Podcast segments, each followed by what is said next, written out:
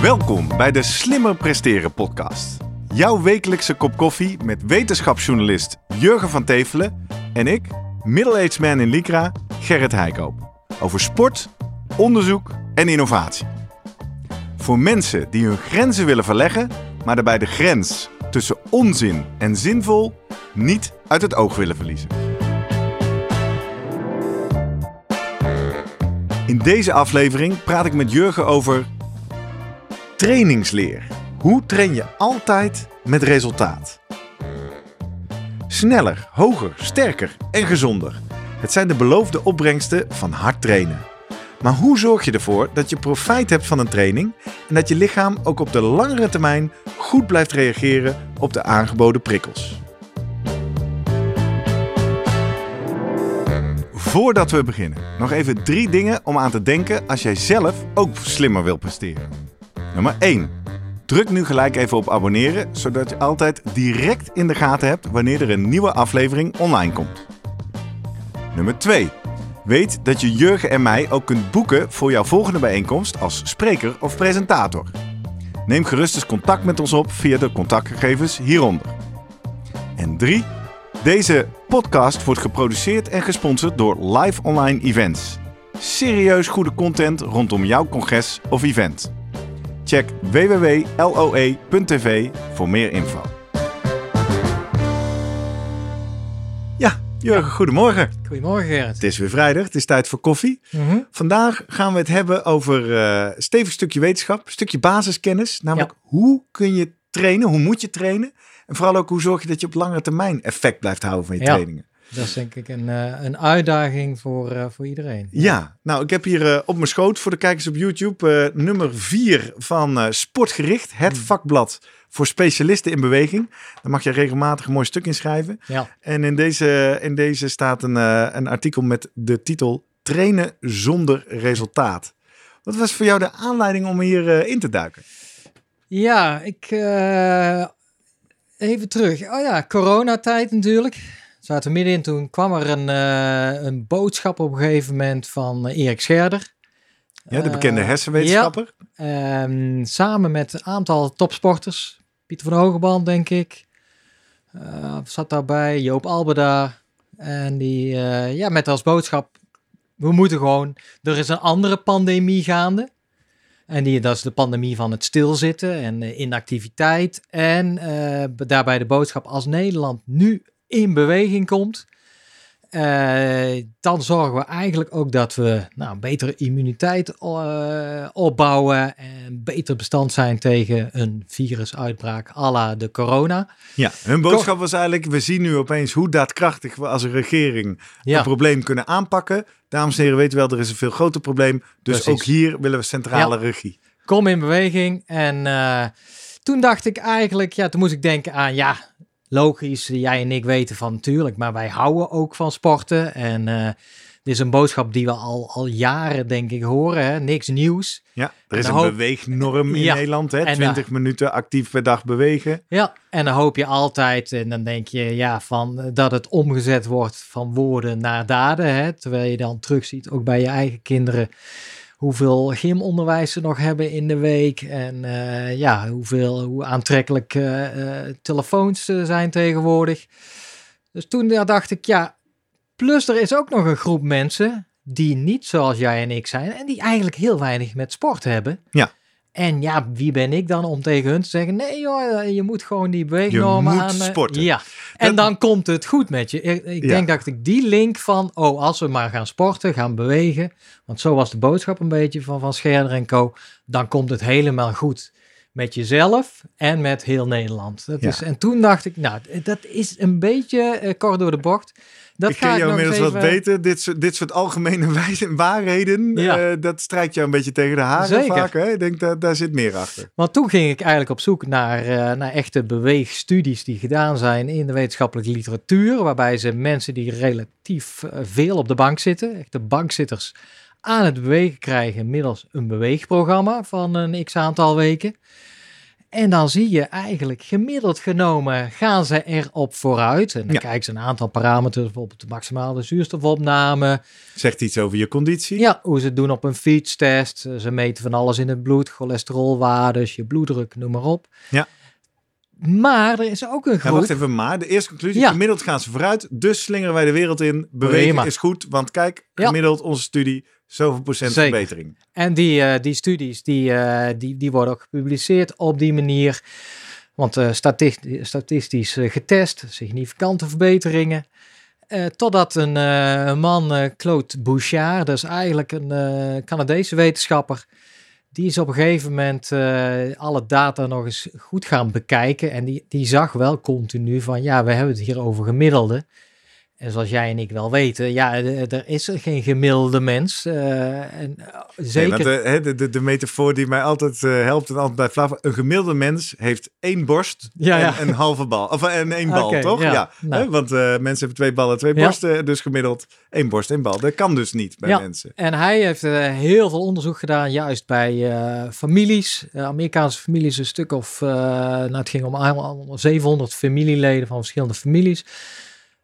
Zijn doel was eigenlijk van om een beetje te achter te komen van in hoeverre spelen genen nou een rol bij eh, ja, prestaties of het verbeteren van eh, eh, lichamelijke conditie.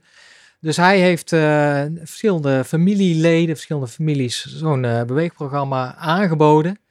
En toen viel hem op, ja, als je het goed bekijkt, is er ook gewoon een groep die niet profiteert en zelfs achteruit lijkt te gaan van een beweegprogramma. Ja, hij had, een grote studie, veel mensen. Ja. En het viel hem op, er was enorme variatie. Ja, dat is één. En als hij dan naar de onderkant keek, zei hij, ja, nou, dan heb je ook een groepje. Die blijven op, de, als je dan de, de zuurstof, bijvoorbeeld de zuurstofopname kijkt als maat voor conditie. Na twintig weken eh, en echt gewoon een goede training, gebaseerd op hun basale eh, VO2 eh, max. En eh, dus steeds progressief, dat ze steeds iets zwaardere trainingen kregen. En na twintig weken weer zo'n test gedaan. En zei, eh, niks vooruit gegaan. Nee. Ja, hoe kun je dan de boodschap eh, de, de lucht inslingeren? Ja, ga maar bewegen, want het bewegen is goed voor je. Ja. En, Dat- dat is dus niet algemeen waar. Dat Nee. is les 1. Ja. En aan de hand daarvan dacht ik, ah, dan wil ik nog eens beter uitzoeken van of dat in andere studies ook gevonden is en wat je daar kan tegen doen. En dat heb ik eigenlijk toen voor sportgericht nog veel dieper uitgezocht. En ook, ja, dit zijn natuurlijk academische studies met mensen die van nature al weinig sporten. Eh, heb je het probleem in die studies van, ja, wat als je die mensen nou niet op dat, dat beweegprogramma zet? Waarschijnlijk zijn ze dan achteruit gegaan, maar die controlegroep wordt vaak niet meegenomen. Mhm. Dus dan is misschien het gelijk blijven van de maximale zuurstofconsumptie of allerlei Is parameters, al je winst. cholesterolwaarde, is al een verbetering, is al een, eh, een effect. Ja. Dus toen heb ik ook voor sportgericht nog eens twee eh, coaches eh, en trainers gesproken van, ja, wat, hoe gaan jullie om met, nou ja, non-responders? eh, Ja, want zo heet dat dan. Hè? Ja. De mensen die geen vaste luisteraars zijn. Als je in een wetenschappelijke studie een, een interventie gaat testen. En je ziet bij een deel van de mensen heeft het wel effect, een deel Ja. mensen niet. Dan zeg je gewoon, oké, die hou ik buiten mijn set. Want blijkbaar is er een groep mensen Klopt. die zijn non-responders. Die reageren Ja. niet op deze interventie. Ja, en het liefst, eh, die wil je eigenlijk niet hebben, want ze maken gewoon die statistische analyse nogal lastig. En, eh, maar ze komen voor, bijvoorbeeld, eh, ja, wordt gezegd in ieder geval van de, de hoogtestage. Ja, Wel aflevering niet, waar we het eh, eerder ja. over gehad hebben. Sommige mensen reageren daar wel op, anderen niet. Ja. Non-responders. ja, eh, cafeïne een beetje, hebben we het ook al over gehad. Bleek te liggen aan degene. Ja.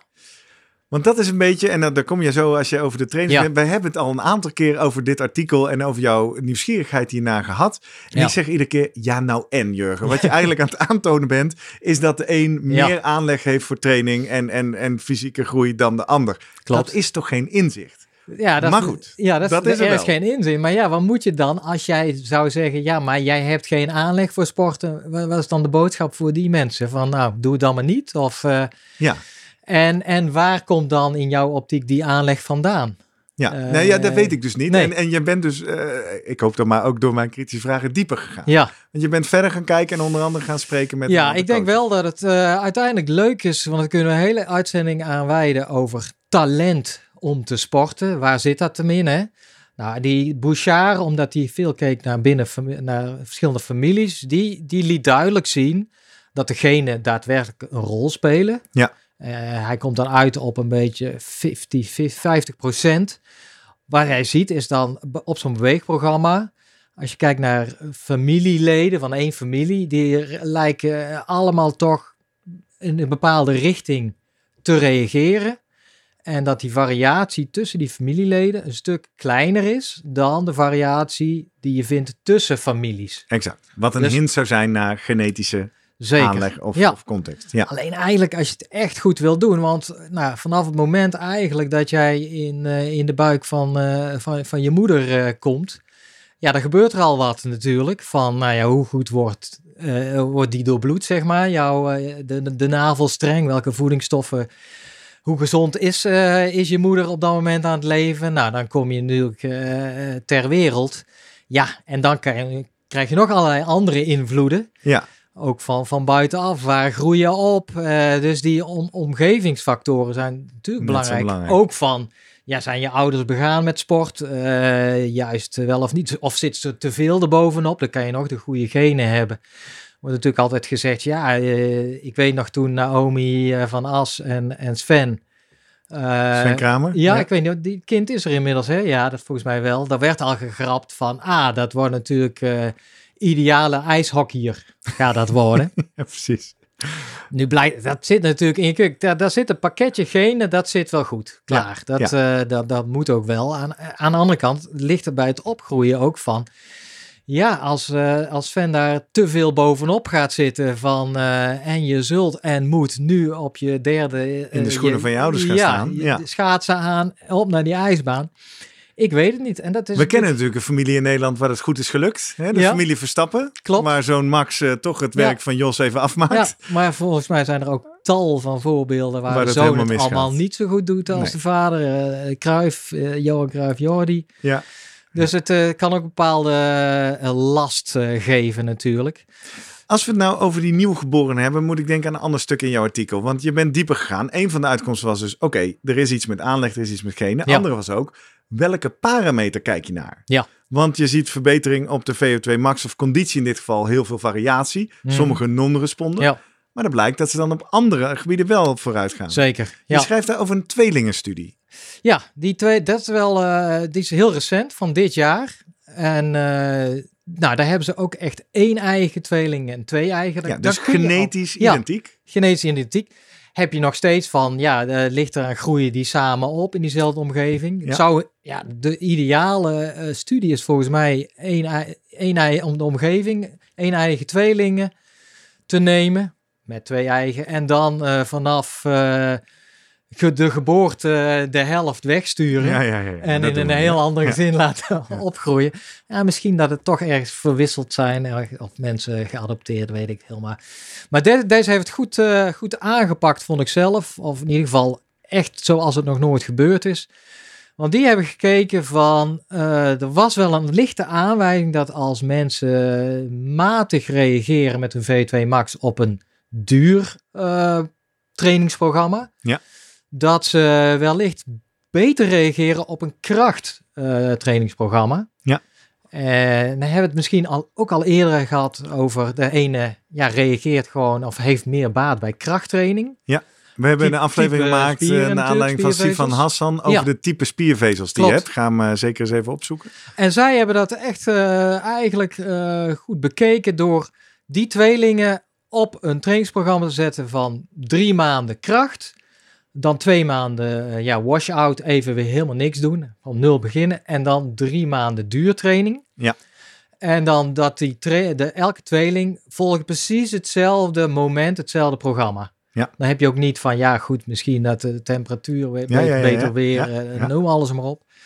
Eh, nou ja, en ik vond het, het is een complexe studie, want het is echt niet zo dat al die tweelingen helemaal homogeen reageerden en precies hetzelfde eh, verbeterden op die trainingsprogramma's. Nou, grofstoffelijk kun je wel zeggen van na een krachttrainingsprogramma ging werden ze krachtiger. Ja. Dus eh, daarna gingen ze gewoon, ze, trainen de daar ook benen en de responders en non-responders? Of iedereen, iedereen wordt beter van krachttraining? Ja, niet helemaal. Eh, voor de, de beenspieren, daar reageerde iedereen positief op. Maar de armspieren, dus die, die benchpress, de bankdrukken, Ja. daar reageerde iets van nou, rond de 90%. Kreeg meer kracht. Dat is prima. Maar nu was het grappige, na dat trainingsprogramma ging ook, krachttrainingsprogramma, ging ook de VO2 max in, nou, iets van 40 of 40% van de mensen omhoog. Ja. En dat is weer gek. 40%. Dat zijn dus sommigen wel, Ja. sommigen niet. Dus Ja. sommigen hebben echt met een krachttraining krijgen ze en meer kracht en meer een betere conditie. conditie. Ja.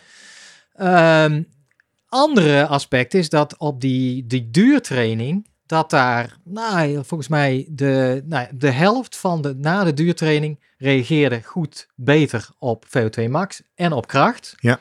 Dus dan denk je, ah, nou, dat is prima. Eigenlijk bied je gewoon, die mensen hebben genoeg aan een, eh, aan een duurprogramma. Ja. Worden ze en sterker van. En, En, eh, en, en la- hou het langer vol. Ja. heb je ook nog een groep waarvan ongeveer 35% die reageren wel positief wat betreft hun conditie, maar negatief wat betreft hun kracht.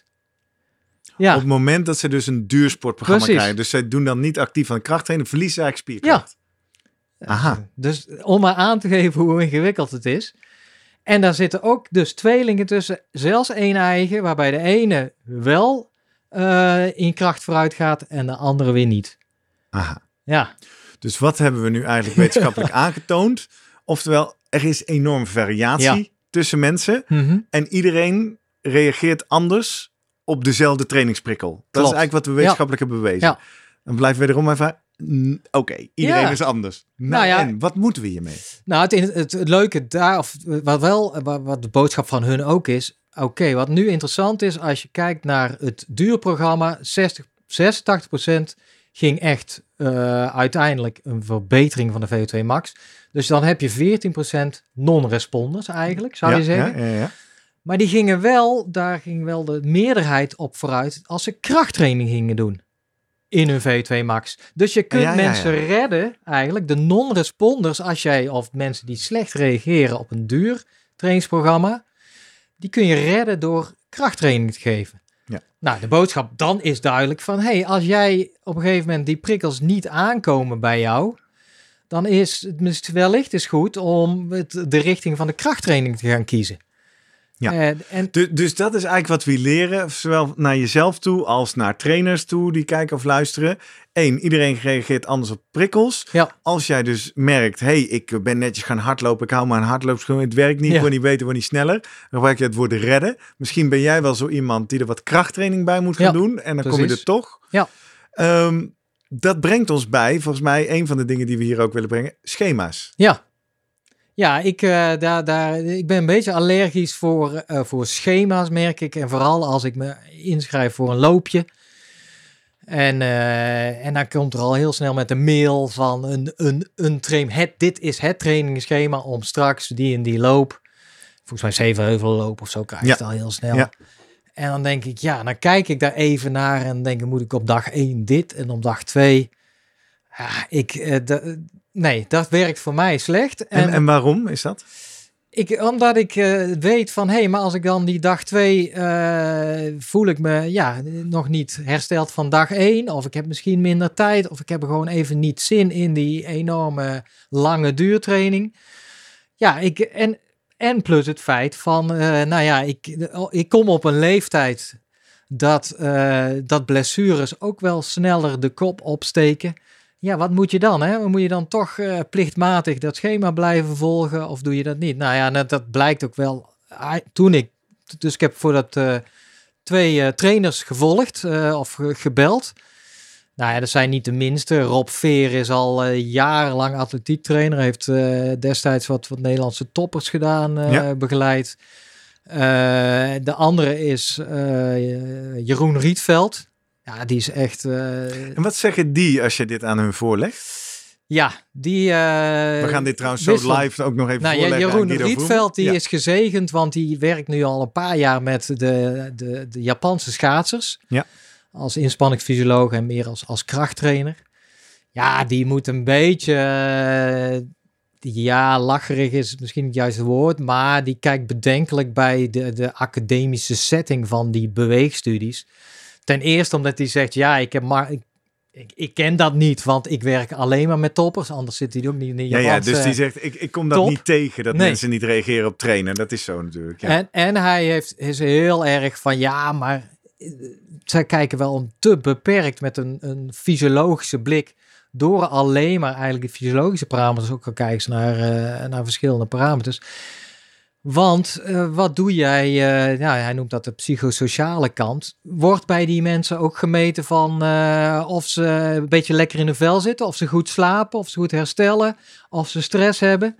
Dus hij zegt heel erg, ja, en dat is de manier waarop ik naar mijn schaatsers kijk. Als zij in een stressvolle periode zitten, vooral de, de jonkies die nog tentamens moeten doen, wat drukker daardoor hebben, ja, dat zie je meteen terug in de testen die je doet en in, in de trainingsschema's. Dus daar, dan is het belangrijk om daar bovenop te zitten, want die gaan dan even niet vooruit.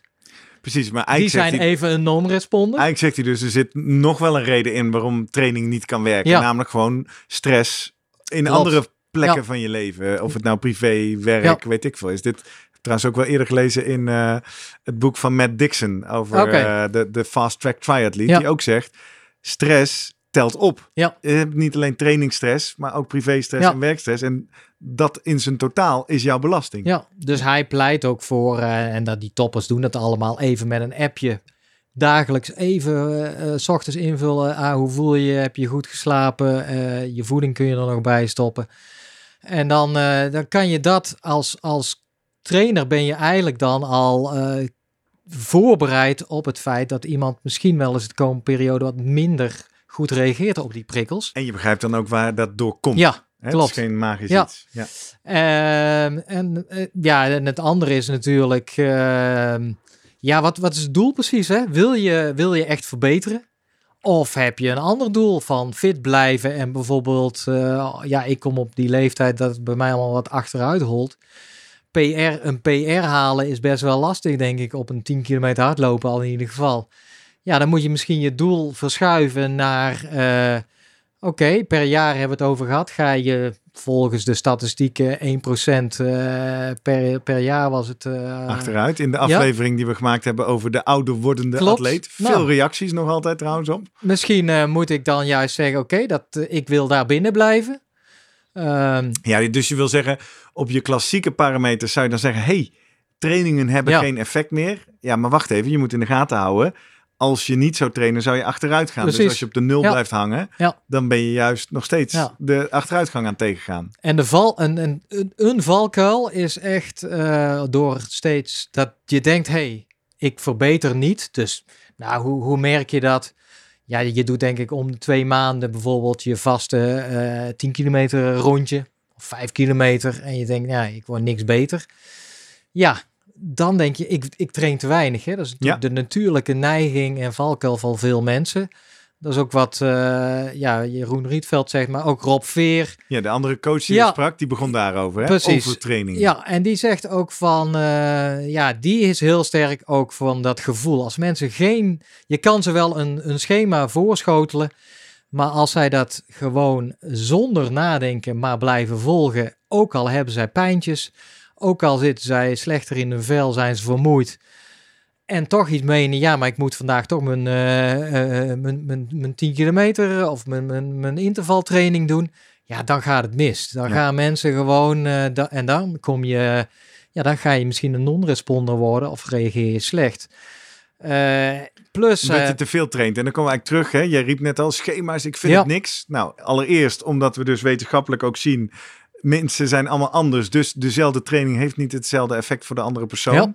Tweede is dus eigenlijk dat je zegt... ja, maar weet je, schema's duwen jou in trainingen... terwijl je daar misschien wel niet aan toe bent. Ja. Aan de andere kant herinner ik mezelf gelukkig nog... want zoveel jaar ben ik nog niet bezig... Als je voor het eerst een 5 kilometer gaat doen, als je van niks komt, is het. eh, daarna ja. voor het eerst een 10 kilometer Ja. gaat doen, of in mijn geval voor het eerst een marathon gaat doen, Ja. je hebt geen idee Nee. waar je aan begint.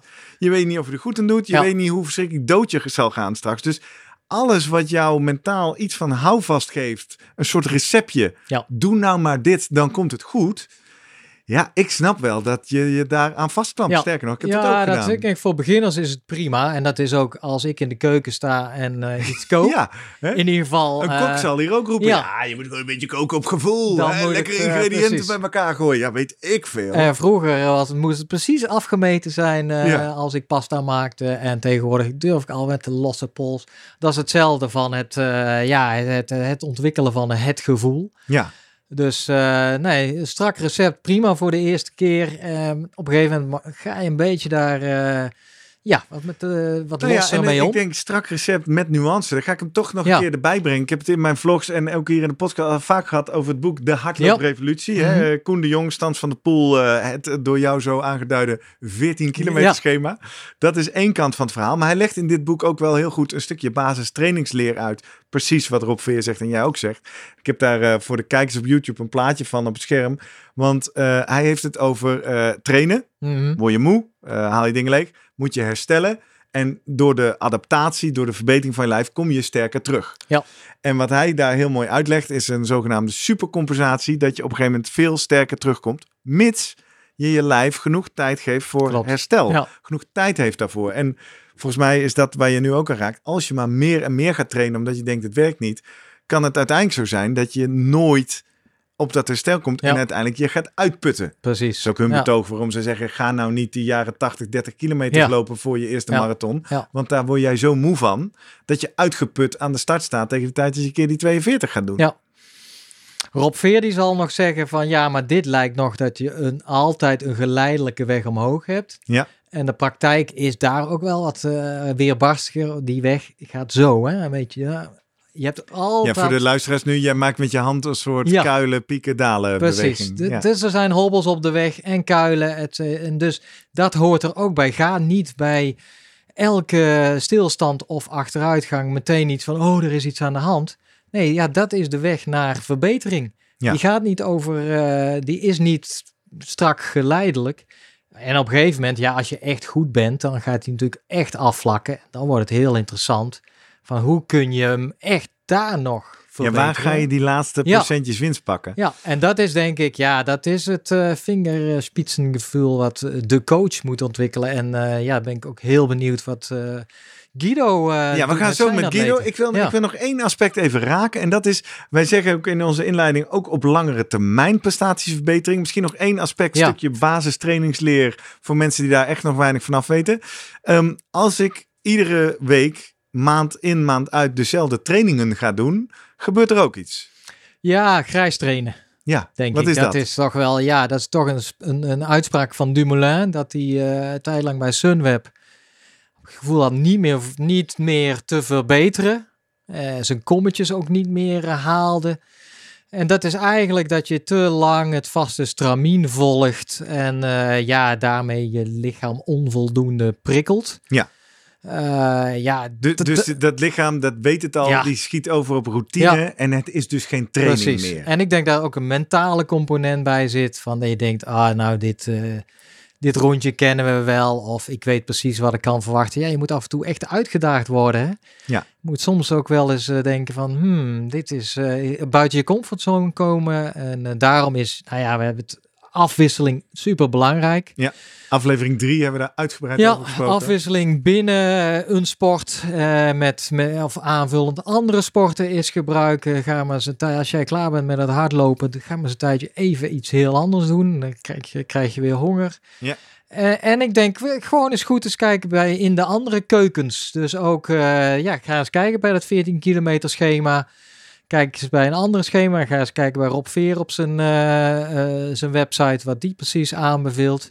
Er zijn heel veel wegen die naar Rome eh, leiden. Ja, en dat ja, doet en- dan weer een aantal dingen. Dat geeft je dus fysiek variatie, maar ook geestelijk word je daardoor een steeds slimmere atleet. Klopt. Want je pikt wat van Koen de Jong, je pikt Ja. wat van Rob Veer. We pikken zo wat van Guido Vroemen. En daarmee. Dus de tussenconclusies voor nu. Iedereen is anders. Pas dus op met algemene waarheden. Pas op met algemene normen. Ja, En schrik dus ook niet meteen als het voor jou niet werkt. Ga op zoek naar de variatie. Zeker. Wat meer kracht erbij. Andere sporten erbij. Ja. Laten we zo Guido gaan vragen hoe hij eh, zijn atleten altijd maar effectieve trainingen blijft geven. oké. We gaan zoomen met Vroemen. Zoom, zoom, zoom. Vroom, vroom. Goedemorgen Guido. Hi Guido. Goedemorgen. Hey, wat goed om je te spreken. Zeker bij dit belangrijke onderwerp, trainingsleer. We hebben net eh, van Jurgen gehoord dat hij al gebeld heeft met eh, volgens mij een goede bekende van je, Rob Veer. Ja, En eh, eh, nog een aantal trainers. Jeroen we- Rietveld. Jeroen Rietveld. Ja. Maar we willen ook van jou eens horen. Ehm, training, dezelfde training, grijs trainen. Op een gegeven moment kan het zijn dat... eh, nee, laten we beginnen bij het begin. Zie jij wel eens dat jouw atleten stilvallen? Niet meer reageren op de trainingen die je voorschrijft? Nee, nooit. Oh, nou, dat zijn we uitgesproken. Dankjewel. Of wil jij dat niet Tot zien, volgende Guido? week. eh. Ah, lekker band soms, toch? Hè? Ja, ja, ja. Nee, ja, weet je, ehm, je zoekt, je je probeert altijd, hè, je probeert altijd mensen eh, uit hun evenwicht te krijgen, te prikkelen. Ehm, en je ziet eh, natuurlijk op een gegeven moment dat dat minder gebeurt. Ja. En ehm, als je dat ziet, dan is het tijd voor, nou ja, een nieuwe prikkel, hè? een andere prikkel, meer. Eh, want dan moet hij weer eh, eh, uit zijn evenwicht worden gestoten. En hoe zoek jij die nieuwe prikkel dan? In ehm, een andere sport zelf soms? Of juist rust? Of meer? Of hoe doe je dat? Het ligt er een beetje aan waar je in, in de fase van eh, waar je zit hè, in het seizoen. Ehm, stel dat je in een opbouw zit en eh, we hebben bepaalde. Dan wil je natuurlijk. Nou ja, als je nog niet bent op het niveau waarvan je eigenlijk, waar je eigenlijk naartoe wilt, dan, eh, dan, hè, dan zal de omvang en de intensiteit kunnen gaan toenemen. Hè, daar ga je dan mee spelen. Ehm, dus dan is het vaak van, eh, nou, met mijn vermogenmeters waar ik mee werk, dan ga ik daar eigenlijk eh, aan knopjes draaien. En dan krijg je misschien ehm, nou ja, een, een ander energiesysteem waar je eigenlijk meer de focus op gaat leggen. Dan heb je hem weer op het anaerobe capaciteit vermogen, of je gaat wat meer op het VO2 max vermogen, of je gaat wat meer op FTP vermogen trainen. Daar ga je eigenlijk aan, wat aan schuiven. Ik ga toch even voor onze minder onderlegde kijkers en luisteraars misschien de eerste keer. Je hebt het nu over verschil tussen anaeroop, oftewel hè, eh, in, die, in die zone waar je niet meer op zuurstof werkt. Als je het hebt over V2 max, dat is dus wel zuurstofconditie. En FTP trainen. Ja. Nou ja, eigenlijk, hè, je, je hebt een aantal energiesystemen. De energiesystemen die gebruiken zuurstof. En daar kun je ehm, als brandstof koolhydraten en vetten voor gebruiken. Ja. Nou, eh, je hebt ook eh, energiesystemen eh, die zonder zuurstof koolhydraten verbranden. Het anaerobe energiesysteem. Ja. En nou ja, hoe hoger, dan heb je ook nog het sprintsysteem. En dat is eigenlijk een heel eh, sterk systeem. Die kan heel veel vermogen leveren, maar eigenlijk is ook binnen 10 seconden is het ook al redelijk leeg. Ja. Dus daar kun je kort en heel hard mee gaan. En met dat anaerobe systeem, ja, daar, daar zit je eigenlijk ehm, voornamelijk energie te halen uit koolhydraten zonder zuurstof.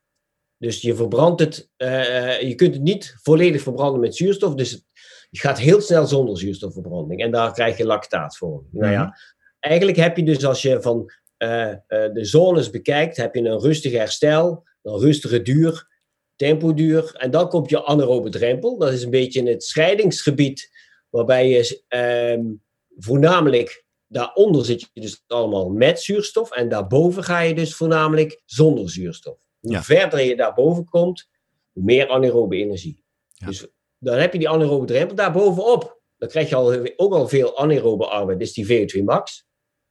Daarbovenop krijg je eigenlijk anaerobe capaciteit. En nog verder omhoog dan eigenlijk is het sprinten.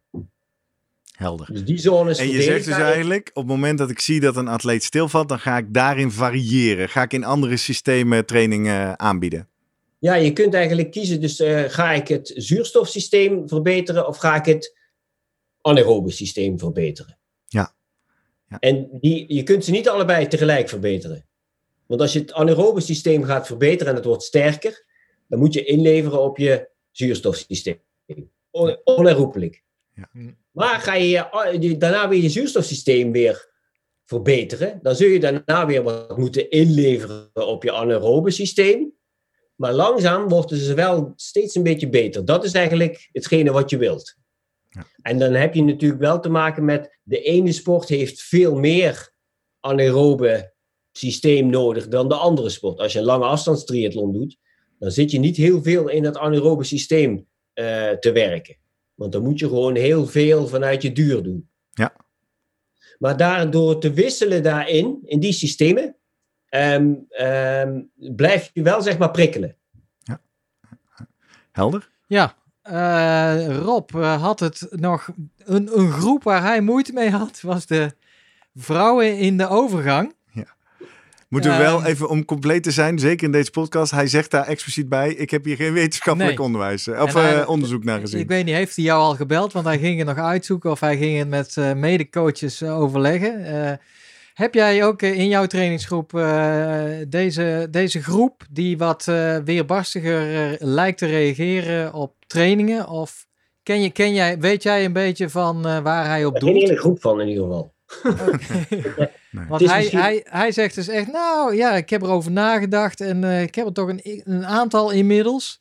En ik krijg daar maar moeilijk grip op wat daar aan de hand is, want eh, die lijken... Ze ja, doen hartstikke hun best, hè, zegt Ja. hij. Ze trainen hartstikke hard, maar er en ze komen niks. bij hem om net even zich nog te verbeteren. Het zijn niet eh, mensen die net Ja. komen kijken.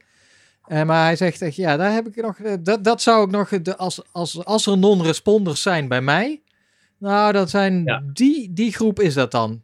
Heb jij eh, enig idee hoe dat zit? Ja, maar kijk, het eerste wat je dan invalt als je het over die groep hebt, dan is het natuurlijk de hormonale balans. Hè, Mhm. Die, die gaat helemaal op de schop daar. Ja. En je hormonen zijn natuurlijk heel belangrijk voor je herstel. En als het al helemaal uit balans is en je wilt gaan trainen en je herstel wordt daardoor ook verstoord, Ja. dan krijg je natuurlijk, kun je wel een prikkel geven, maar het herstel blijft uit. Dus dan ga, word je niet beter. Ja. En ik denk dat daar, nou, ik heb het niet als bewijs, maar ik denk dat daar wel ehm, eh, de oorzaak in ligt van wa- waarom de ene dan ehm, op bepaalde trainingen niet goed reageert. Ja. Ik denk, non-responders sta- bestaan volgens mij niet. Nou, die verstaan dus wel, Guido. Dat hebben we net wetenschappelijk aangetoond. Nou, de, Jeroen Rietveld zegt ook, die bestaan niet. Ja, in Bestaan wetenschappelijke, in wetenschappelijke studies zijn ze er. Maar uiteindelijk weet je overal wel. Dus, dus ja, dat, is, dat pleit er alleen maar voor dat eh, nu mensen meer eh, moeten bewegen. Dat die smoes van ja, maar bij mij, eh, mijn lichaam reageert niet op sporten. Dat dat eh, Nee, niet dat klopt is- in jouw optiek. Oké. Nee.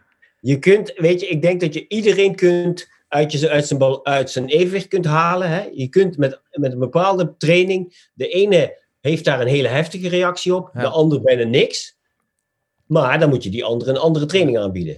Maar dat is... Her- Herken je dat wel? Dan ben ik wel benieuwd. Hè? Je hebt eerder ons verteld, je hebt eh, ruim 50 atleten onder je hoede. Je hebt natuurlijk een aantal trainingen maak je en die bied je ze aan voor je trainers. Zie jij inderdaad die verschillen? Dat je denkt, huh, bij deze atleet, als ik hem dit laat doen, dan eh, heeft het meteen effect, bij die andere helemaal niet?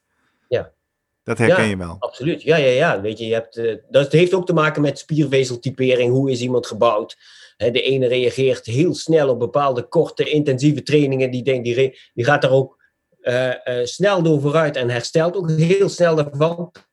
Terwijl de ander dat bijna niet voor elkaar krijgt, bijvoorbeeld. Mhm. Dus daar zit een heel groot verschil in. Ja. Ja, Ehm, heb je ook tweelingen in jouw atletengroep? Om te, de, de- wij hebben het gehad een beetje over de genen hè, en eh, genen, Ja. eh, nature versus nurture.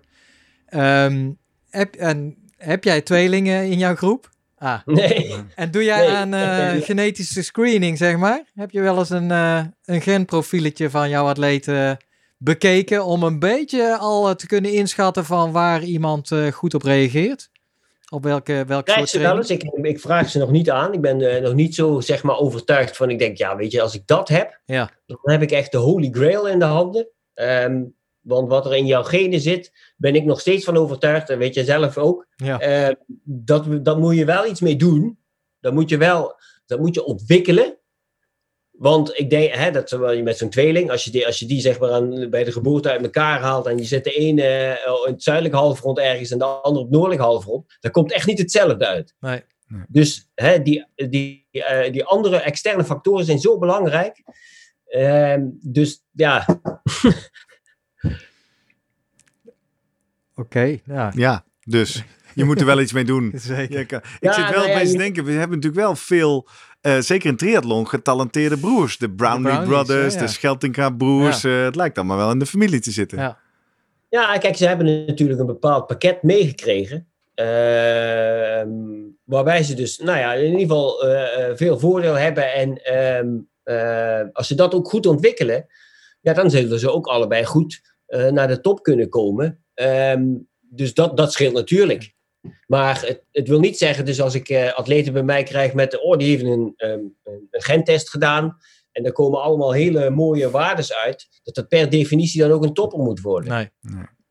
Ik Kortom- kan natuurlijk ook, ik kan ook wel zeggen, hè, met, als je met vermogenmeters werkt en mijn programma met, met WKO5, waar je al die dingen eh, analyseert, kun je ook al een bepaalde ehm, spiervezeltypering daaruit halen. Want als iemand heel explosief is, korte 5 seconden waarde is echt extreem goed. Ja, dan, dan, dan weet je natuurlijk, die heeft heel veel type 2 A-vezels. Dat kan Ja. niet anders. De, de als spieren die, die goed heeft- zijn voor explosiviteit, Ja. sprint. Ja. Ja. Ja. Ja, Ja, en ja, als die geen, eh, totaal geen sprint ja. heeft, maar wel heel lang op die duur gaat, ja, dan kom je die type 1. Hè. Die Ja. moet dus heel veel type 1 dan hebben. Heb je geen genetische Dan- test voor nodig. Ja, Nee, nee. Helder. Nou, ik vind de uitsmijter van deze aflevering wel... Je kan wel een mooi setje genen hebben, maar je moet er wel wat mee doen. Ja, En we leren dus eigenlijk wat je ermee moet doen in deze aflevering is voor iedereen anders. Eh, Ja. Moet je variëren. There's no one size fits all. Dus eh, mocht jij op een punt in je trainingen zitten of in, in je, eh, aan het begin van je sportcarrière en het, het werkt niet meteen, weet dus dat dat kan. Ga op zoek naar variatie. Ga wat anders doen. Want uiteindelijk, nou, stellen wij hier dan non-wetenschappelijk, maar met de ervaring van Guido vast, is er altijd wel iets te winnen op het gebied van sport en gezondheid. Ehm, we Ja. zijn benieuwd. Als jij deze hele aflevering afluistert, wat, wat, waar denk je dan aan? Wat zijn jouw ervaringen? Wel- Welke tips heb je? Laat het ons weten. Kan op een aantal manieren. Via Twitter en Instagram. Slimmerpodcast zijn we daar op beide kanalen. Guido is de sportarts. Eh, tag hem vooral even mee. Laat ons weten wat je van deze aflevering vond. Of wat je eventueel te vragen of aan te vullen hebt. Je kan ook naar onze website www.slimmerpodcast.nl. Daar vind je van al onze afleveringen een eigen webpagina. Daar staan ook de links en de show notes. Kun je je aanmelden voor de mailinglijst, zodat je iedere vrijdagochtend vers een mailtje in je mailbox krijgt met een aflevering. En daar kun je reageren. Reageren kan je sinds deze zomer ook op ons platform vriendvandeshow.nl slash eh, slimmerpodcast. En eh, tot slot, mocht je gewoon één op één met ons willen communiceren, dan eh, horen we graag via, via post.slimmerpodcast.nl. Eh, we horen graag jouw reactie. En eh, op die manier worden we samen steeds slimmer, steeds beter en gaan we met z'n allen slimmer presteren. Tot volgende week.